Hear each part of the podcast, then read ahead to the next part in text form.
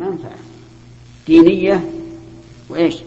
ودنيوية دينية ودنيوية وهذا أولى أن نقول ويذكر اسم الله من باب عطف يا وليد. الخاص على العام. يعني نص عليه لأنه أهم المنافع أهم المنافع ذكر اسم الله عز وجل. ويذكر اسم الله أن يقولوا بسم الله. على ما رزقهم من بهيمة الأنعام. أي على ما أعطاهم. الرزق بمعنى العطاء. كما قال تعالى وإذا حضر القسمة أولو القربى واليتامى والمساكين فارزقوهم منها أي فارزقوهم فيها أي أعطوهم. وقول من بهيمة الأنعام هي الإبل والبقر والغنم بالاتفاق. وسميت بهيمة لأنها عجماء لا تتكلم كما قال النبي صلى الله عليه وعلى آله وسلم العجماء جبار.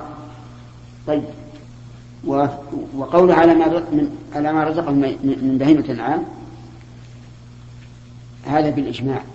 أي أنه لا يتقرب إلى الله بالهدي إلا ببهيمة النعام وكذلك الأضاحي. ولا بد فيها من أن تكون بالغة السن الواجبة. وهي في الإبل خمس وفي البقر سنتان وفي الضأن نعم آه، وفي, نعم وفي المعز سنة وفي الضأن نصفها قال بعضهم ويعرف بلوغ الضأن نصف السنة بأن ينزل شعره. بدل ما كان واقفا ينزل الشعر. إذا بلغ ست أشهر نزل على ظهره. كان بالأول قائما. فإن صح هذا فهي علامة وقرينة ليس شيء مؤكدا الشرط الثاني أن تكون سليمة من العيوب. العيوب التي تمنع من الإجزاء وهي أربع. بينها النبي صلى الله عليه وعلى آله وسلم بقوله العوراء البين عورها والمريضة البين مرضها والعرجاء البين ضلعها والعجفاء يعني الهزيلة التي لا, مخ فيها. عرفتم؟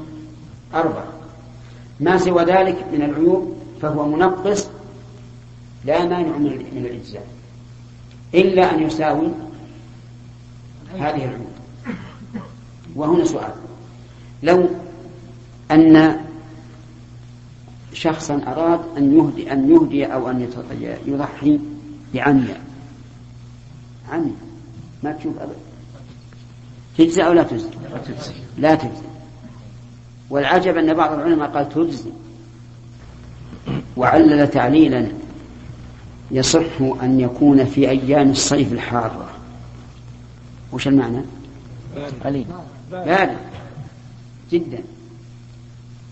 قال لأن العمية ما يجيها نقص. لأن مالكها سوف يحضر لها الطعام والشراب. والعورة يأتيها النقص لأن صاحبها يكلها إلى نفسه. والعورة ما تشوف إلا من جهة واحدة يفوتها شيء كثير من المرأة. ولكن هذا قول كما قلت لكم قول باطل طيب مقطعة الأربع. ما له رجلين ولا يدين تجزي؟ ها؟ على قياس الأول تجزي. لأن يجيب لها وتاكل لكن هذا كله غير صحيح يعني. لولا أنه قيل ما ما صدق الإنسان أن يقوله عاقل فضلا عن عن عالم. طيب أورد أورد شيخنا عبد الرحمن بن سعدي رحمه الله مسألة. فقال إنه إذا كان إذا كان هناك قحط وجد والأرض لا تنبت ثم جاء المطر وأنبتت الأرض ورعت المواشي فإن آه نعم. وكان بالأول المواشي من من الجزائر ما فيها مخ. ما فيها مخ. لأنها ما ترى.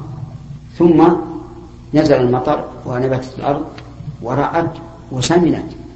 سمنت سمنا كبيرا لكن ما فيها مخ. فهل تجزي أو لا تجزي؟ تجزي. تجزي. لأن الحديث العجفة التي لا مخ فيها. وهذه فيها ليست عجفة. وقال الشيخ هنا وهذا يقع كثيرا. حدثه بذلك أهل البادية. طيب إذا على على ما رزقهم من الأنعام لها شروط. بقينا الهدي هل له أوقات معلومة كالأضحية؟ لا. الجواب لا. إلا هدي التمتع والقرآن فقد دلت السنة على أن له أوقاتا معلومة. وهي أوقات ذبح الأضحية. أما هدي التطوع والهدي الواجب لجبران أو لفعل أو لفعل محظور فهذه مقيدة بأوقاته حتى لو أحرم الإنسان بالعمرة في نصف السنة وترك واجبا أو فعل محظورا فإنه يفتي في وقته. على ما رزقهم من بهيمة الأنعام طيب. على ما رزقهم. وقوله في أيام معدودات في أيام معلومات. في أيام معلومات. الأيام المعلومات هي أربعة أيام أولها العاشر من الحجة وآخرها غروب الشمس ثالث أيام التشريق. وقوله في أيام لا يعني أنها لا أنها لا تصح في الليالي لأن العرب تطلق الأيام وتريد الأيام والليالي وبالعكس. قال الله عز وجل فكلوا منها وأطعموا البائس الفقير. كلوا منها. أي من هذه البهائم.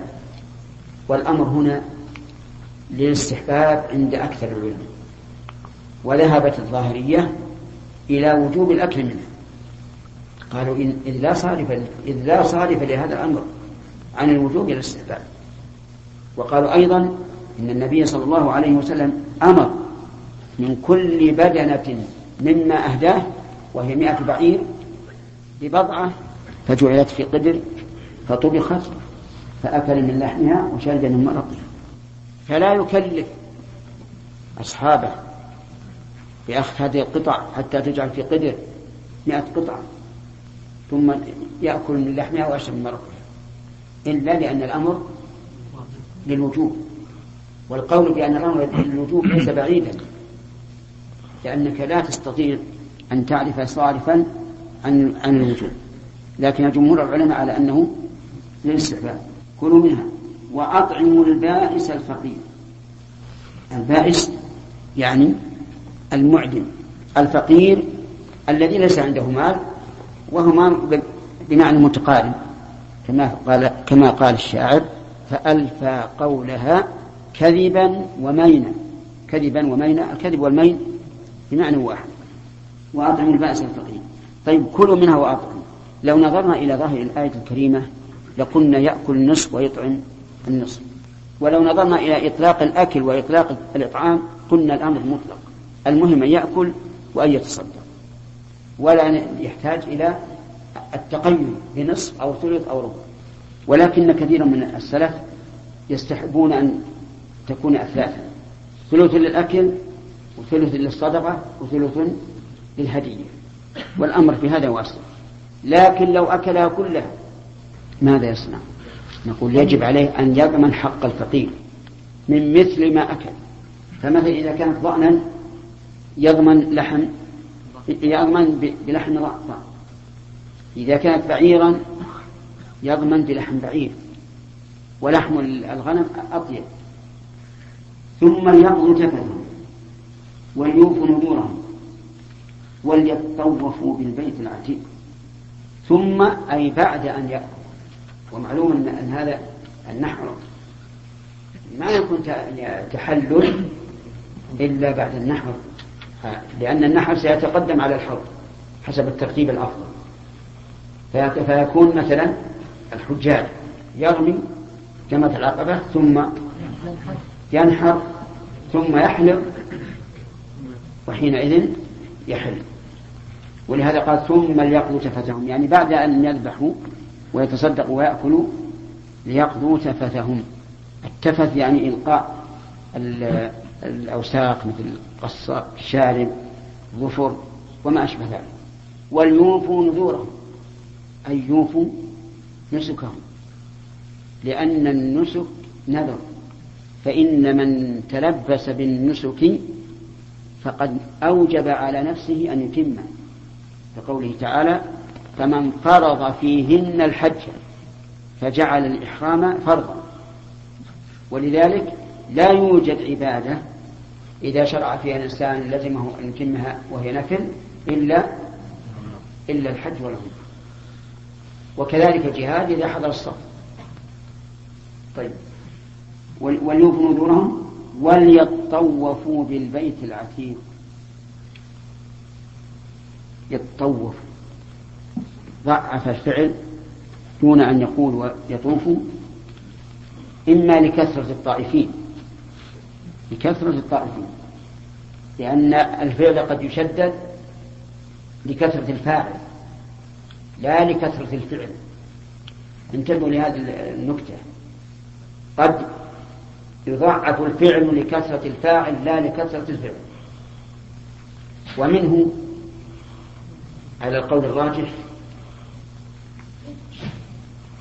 ما ورد في الحديث أن النبي صلى الله عليه وعلى آله وسلم لعن زوارات القبور. زوارات. وفي لفظ زائرات. لفظ زائرات ما في إشكال لأنه يصدق عليه إذا زارت مرة واحدة. لكن زوارات. بعض العلماء من المتأخرين والمتقدمين يقولون إن هذا ينصب على من؟ من تكثر الزيارة. لكن شيخ الإسلام أبطل هذا. وقال إن الفعل قد يضعف لكثرة الفاعل. لا لكثرة الفعل. فيكون لعن زوارات يعني كل زائرة. كل زائرة للقبور. وما قاله رحمه الله صحيح. ما قاله فهو صحيح. وهو مسلم أيضا. فإن لم يسلم فترجيح المخفف واضح أيضا. ليش؟ لأنك إذا إذا قلت من زارت مرة واحدة فهي ملعونة يكون أخص مما لو قلت إن كررت فهي ملعونة. فيكون اللعنة تحق عليها بمرة واحدة. طيب وليطوفوا بالبيت العتيق. يطوفون به. والبيت العتيق قيل إن معناه القديم. وقيل معناه المعتق من الجبابرة لأنه ما قصده جبار إلا قصمه الله. وانظر أصحاب الفيل. طيب لو قلنا من المعنيين ها؟ فحسن. وقيل العتيق الغالي في الصدور. فإن الشيء الغالي في الصدور يقال هذا عتيق ويقال للحر عتيق. وهذا أيضا معنى ثالث نضيف إلى إلى المعنيين السابقين السابقين. نسأل الله تعالى أن يحميه من أعدائه الظاهرين والباطنين وليطوفوا بالبيت العتيق. وقوله بالبيت الباء للاستيعاب. الباء للاستيعاب كما هي في قوله تعالى امسحوا برؤوسكم. امسحوا برؤوسكم الباء هنا للاستيعاب ولهذا يجب مسح الرأس كله. طيب أرأيتم لو قال وليطوفوا في البيت؟ فهل يجب الاستيعاب؟ لا لأن في للظرفية. يستفاد من قول بالبيت العتيق أن الإنسان لو طاف ودخل من بين الحجر والكعبة القائمة فشوطه إيش؟ غير صحيح. لقول النبي صلى الله عليه وعلى آله وسلم من عمل عملا ليس عليه أمرنا فهو رد. أي مردود طيب اسمه قال أن يقرأ. ثم ليقضوا تفتهم وليوفوا نذورهم وليطوفوا بالبيت العتيق. صحيح ولا خطأ؟ اللهم اللهم خطأ؟ ليش؟ نعم نعم. لأنه يختلف المعنى لأن المعنى يختلف. لو قال ثم ليقضوا صارت اللام للتعليل لا للأمر. لأن الذي يسكن بعد ثم هي لام الأمر. ولذلك يغلط بعض الناس في تلاوة قول الله تعالى هذا بلاغ للناس ولينذروا به وليعلموا أن ما هو إله واحد وليذكر أولو الألباب. فتجده يسكن اللام. وهذا غلط. إذا جعلناها للتعليل فهي غلط بلا شك. ليش؟ لأن لام التعليل تكسر ولو وليت الحروف. لكن لا أستبعد وأنا لا أدري أن يكون فيها قراءة. هذا بلغ الناس ولينذروا به. هذه بعيدا أن تكون لام الأمر. وليعلموا يمكن أن تكون للأمر. وكذلك وليذكر. لكني لا أدري هل فيها قراءة بالسكون أو لا. نعم. سبحانه ونعم ثم ليقضوا تلفتهم وليوفوا فيه قراءة. فيها. تعليم للتعليم إذا كسرت فهي للتعليم قال الله قال الله تعالى وللتوم من عتيق ذلك. يعني ذلك حكم الله. أي ذلك المذكور هو حكم الله عز وجل. وشريعة الله. ومن يعظم حرمات الله فهو خير له عند ربه. من؟ شرطية. ويعظم فعل الشر فهو خير له جواب الشر. وكلمة حرمات الله عامة في حرمات الحرم المكي وفي حرمات الشريعة كلها. من يعظمها ويحترمها إن كانت مأمورا بها عظمها فلا يخل بها. وإن كانت منهيا عنها عظمها فلا ينتهكها فإنها فهو خير له عند ربه.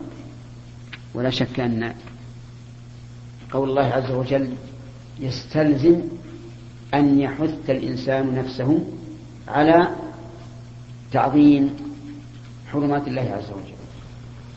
نعم. يحيى. قوله تعالى وإذ بوأنا لإبراهيم نعم يقول أن الله بين لإبراهيم بإرسال السحابة حتى وقفت على موضع البيت وظللت. هل هذه الرواية صحيحة يجب أن تعلموا أن ما أبهمه الله ولم ترد السنة ببيانه فالواجب إبهامه. لم يبين له كيف بوأه له. فالواجب أن نقول بوأ له بأي سبب. إما بكونه أكمة كما قيل أنها أكمة مرتفعة عما حولها وإما بغير ذلك. ولا حاجة أن نعلم إن هذا المقصود أن الله تعالى بوأه وهيأه له وأنه عليه السلام لم يتجاوز ما بينه الله عز وجل فلم يزد ولم ينقص ولم يغير. نعم سليم. مسألة مسألة إبراهيم مسألة البيت في خصوصية إبراهيم عليه السلام ومحمد صلى الله عليه وسلم. من أين؟ من الخصوصية عن الأنبياء كلهم لأنهم هم اللي عمروا هم اللي ذكر إبراهيم اللي عمره ومحمد صلى الله عليه وسلم لها تربية وله. لا هو أول على القول الراجح أول من بناه إبراهيم. وأما القول بأنه مبني من قبل بناه آدم وأنه من قبل بنته الملائكة فهذا لا دليل عليه يعتمد. من؟ إبراهيم ومحمد صلى الله عليه وسلم إبراهيم وإسماعيل. لا تنسى. أي. ومحمد عليه الصلاة والسلام لا شك أن قدرهم من المشركين. هل من أراد التمتع وأحرم بالعمرة متمتعا ثم بعد ذلك بدا له أن يسوق الهدي. لا بنية أنه هدي التمتع وإنما هدي هديا مطلقا. هل له أن يتمتع أو لا بد أن هل له أن يتمتع؟ إيه. أو لا بد أنه يقضي إذا فعل مثل ما فعل ابن عمر اشتراه من اثنين الطريق قبل أن يبدأ الطواف فلا بأس يعني يكون قادما لا هو هل له أن يتمتع كيف يتمتعوا مع الهدي؟ مع الهدي لكنه قرأ بعدما أحرم بالعمرة أي لا يمكن. الهدي شيخ لا يصح مطلقا ويصح معينا. بلى طيب لماذا ما نتركه على إطلاقه حتى يستفيد ال لا لا ما, ما يستقيم. إذا ساق الهدي فلا فلا يمكن الحل. نعم. بارك الله فيك. أمر الله عز وجل إبراهيم أن يؤذن في الناس. نعم. فهل أذن يعني كيف كان تأذين ما ندري. الله أعلم. أذانه في الناس إما أنه كما قيل إنه أذن بالحج وسمعه الناس كلهم حتى أن بعضهم بالغ وقال إنه سمعه من في أصلاب الرجال وأرحام النساء. وإما أنه أذن أعلم بما ورث عنه من من الوحي. نعم. في قوله تعالى ثم ليقضوا تفثهم نعم. هل في إشارة إلى أن المحرم ممنوع من تقليل أضاءة ما يدل على هذا. لأن لأن أمره بهذا على سبيل الاستقبال. نعم.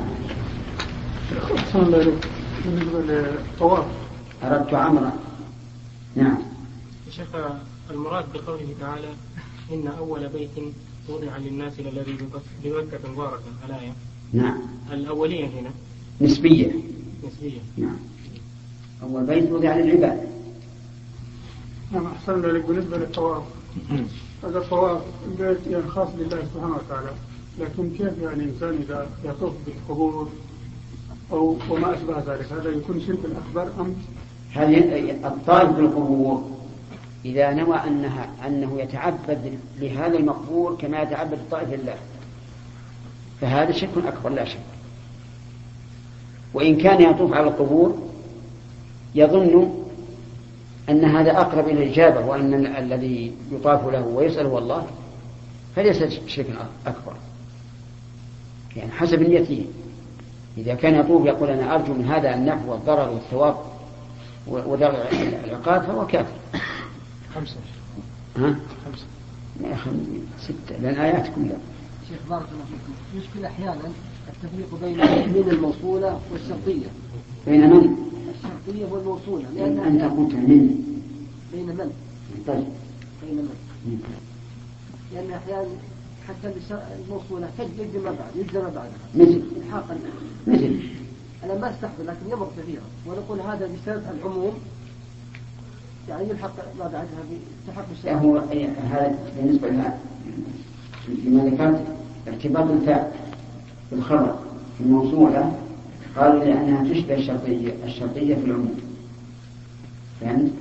ولا الفرق الواضح أن من الشرطية إذا كان مضارعا جزء.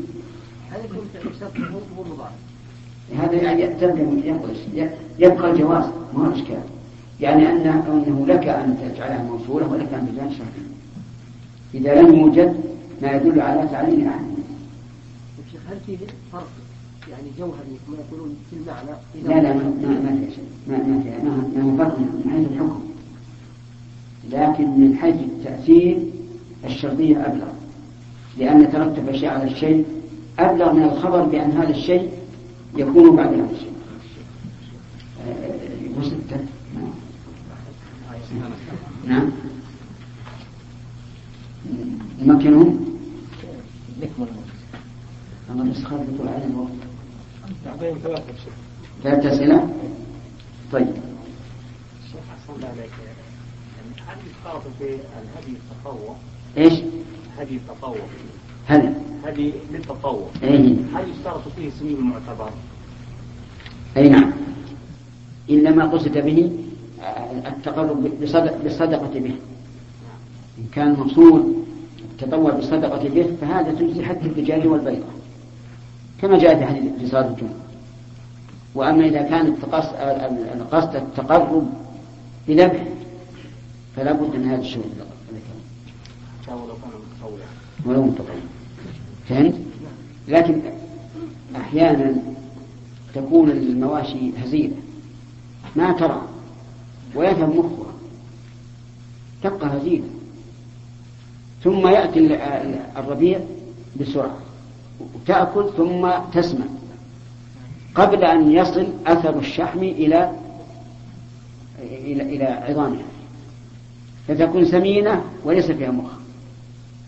ولهذا عن هذا النوع يقول شيخنا رحمه الله هذا النوع ما يستطيع يقوم. إذا ربطت لازم تكون علشان إيه؟ ضعيفة ليس فيها مخ.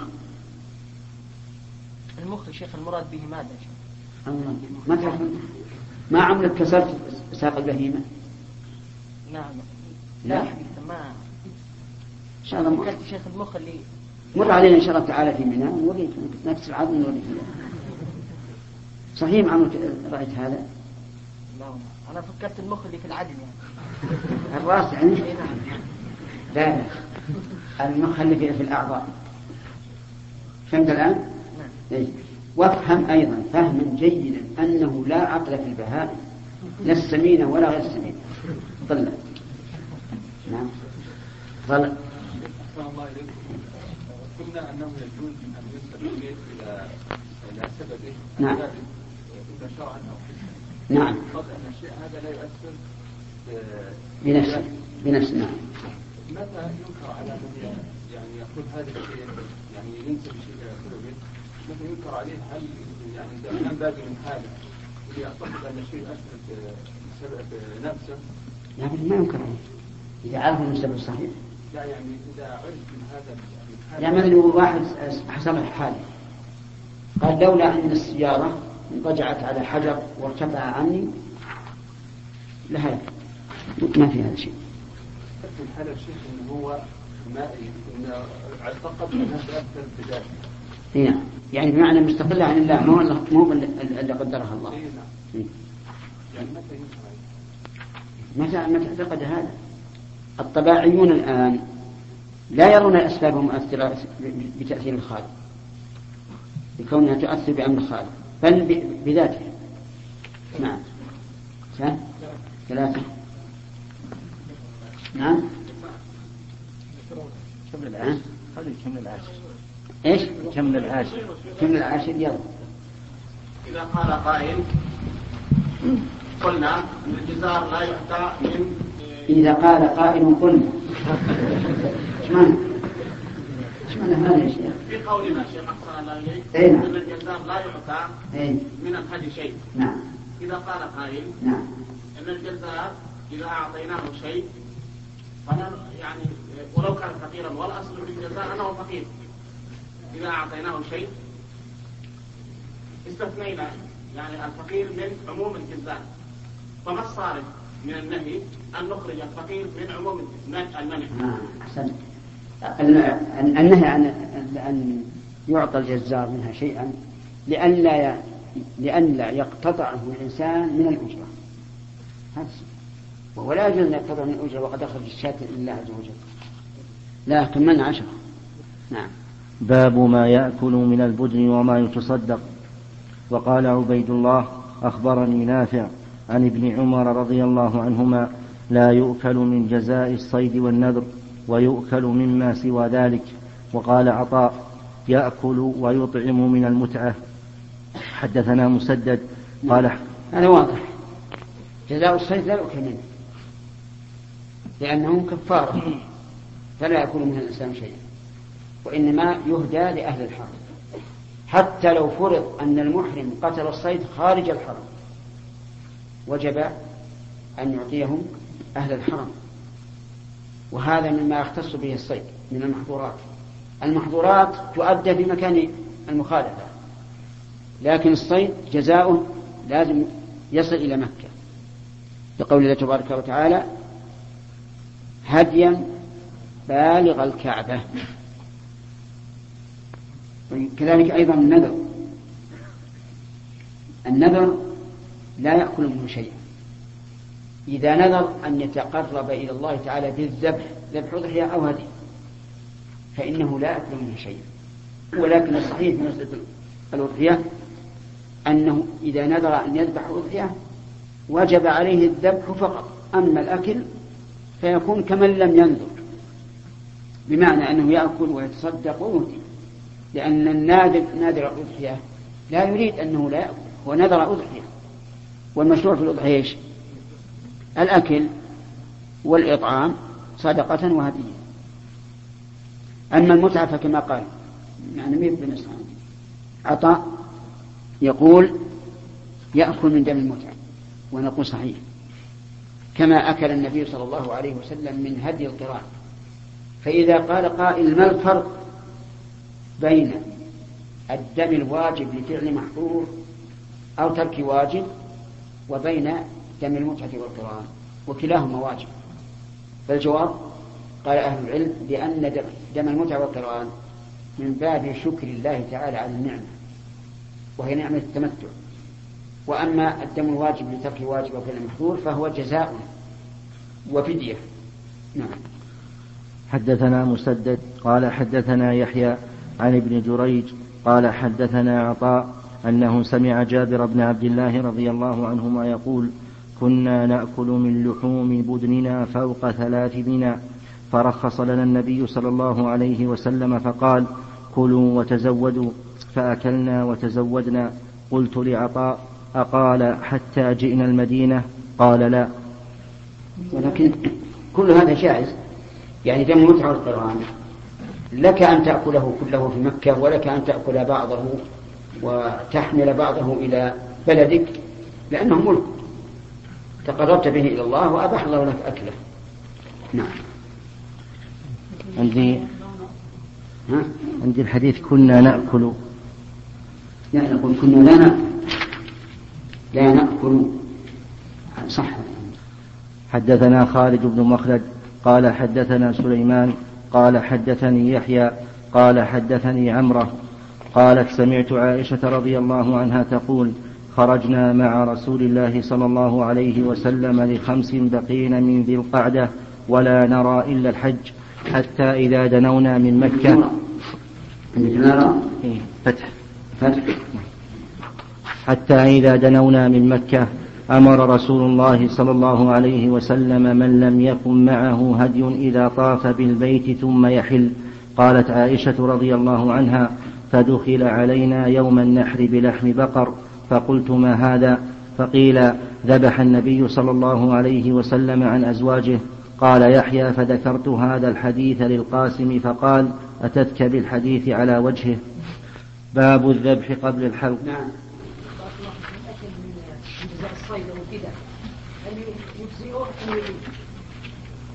لمن أكل منه يضمن ما أكل. يضمن ما أكل من جنس ما فدى به. ويتصدق به. نعم. هل يجوز تقديم السائل المتمتع والطواف الحج للقارن والمفرد؟ لا. لا يجوز. إلا إذا كان تريد أنه يجوز أن يقدم السائل على الطواف يوم النحر. هذا لا بأس ها؟ قبل أن ينزل إلى منى يطوفون ويسعون. لا بأس. حتى يكون متمتع. والمتمتع لأن الطواف والسعي هذا للحج سيأتينا قبل الآن إن شاء الله. نعم. باب الذبح قبل الحلق. حدثنا محمد بن عبد الله بن حوشب. قال حدثنا هشيم. قال أخبرنا منصور بن زادان عن عطاء عن ابن عباس رضي الله عنهما قال سئل النبي صلى الله عليه وسلم عمن حلق قبل أن يذبح ونحوه فقال لا حرج لا حرج. حدثنا أحمد بن يونس قال أخبرنا أبو بكر عن عبد العزيز بن رفيع عن عطاء عن ابن عباس رضي الله عنهما قال قال رجل للنبي صلى الله عليه وسلم زرت قبل أن أرمي. قال لا حرج. قال حلقت قبل أن أذبح. قال لا حرج. قال ذبحت قبل أن أرمي. قال لا حرج. وقال عبد الرحيم الرازي عن ابن ختيم أخبرني عطاء عن ابن عباس رضي الله عنهما عن النبي صلى الله عليه وسلم. وقال القاسم بن يحيى حدثني ابن ختيم عن عطاء عن ابن عباس عن النبي صلى الله عليه وسلم. وقال عفان أراه عن وهيب. قال حدثنا ابن ختيم عن سعيد بن جبير عن ابن عباس رضي الله عنهما عن النبي صلى الله عليه وسلم وقال حماد عن قيس بن سعد وعباد بن منصور عن عطاء عن جابر رضي الله عنه عن النبي صلى الله عليه وسلم. هذا ما في إشكال إلا قوله ذبحت قبل أن أرمي. فإن ظاهر هذا أنه ذبح مبكرا والفقهاء يقولون لا يذبح إلا إذا مضى قدر صلاة العيد.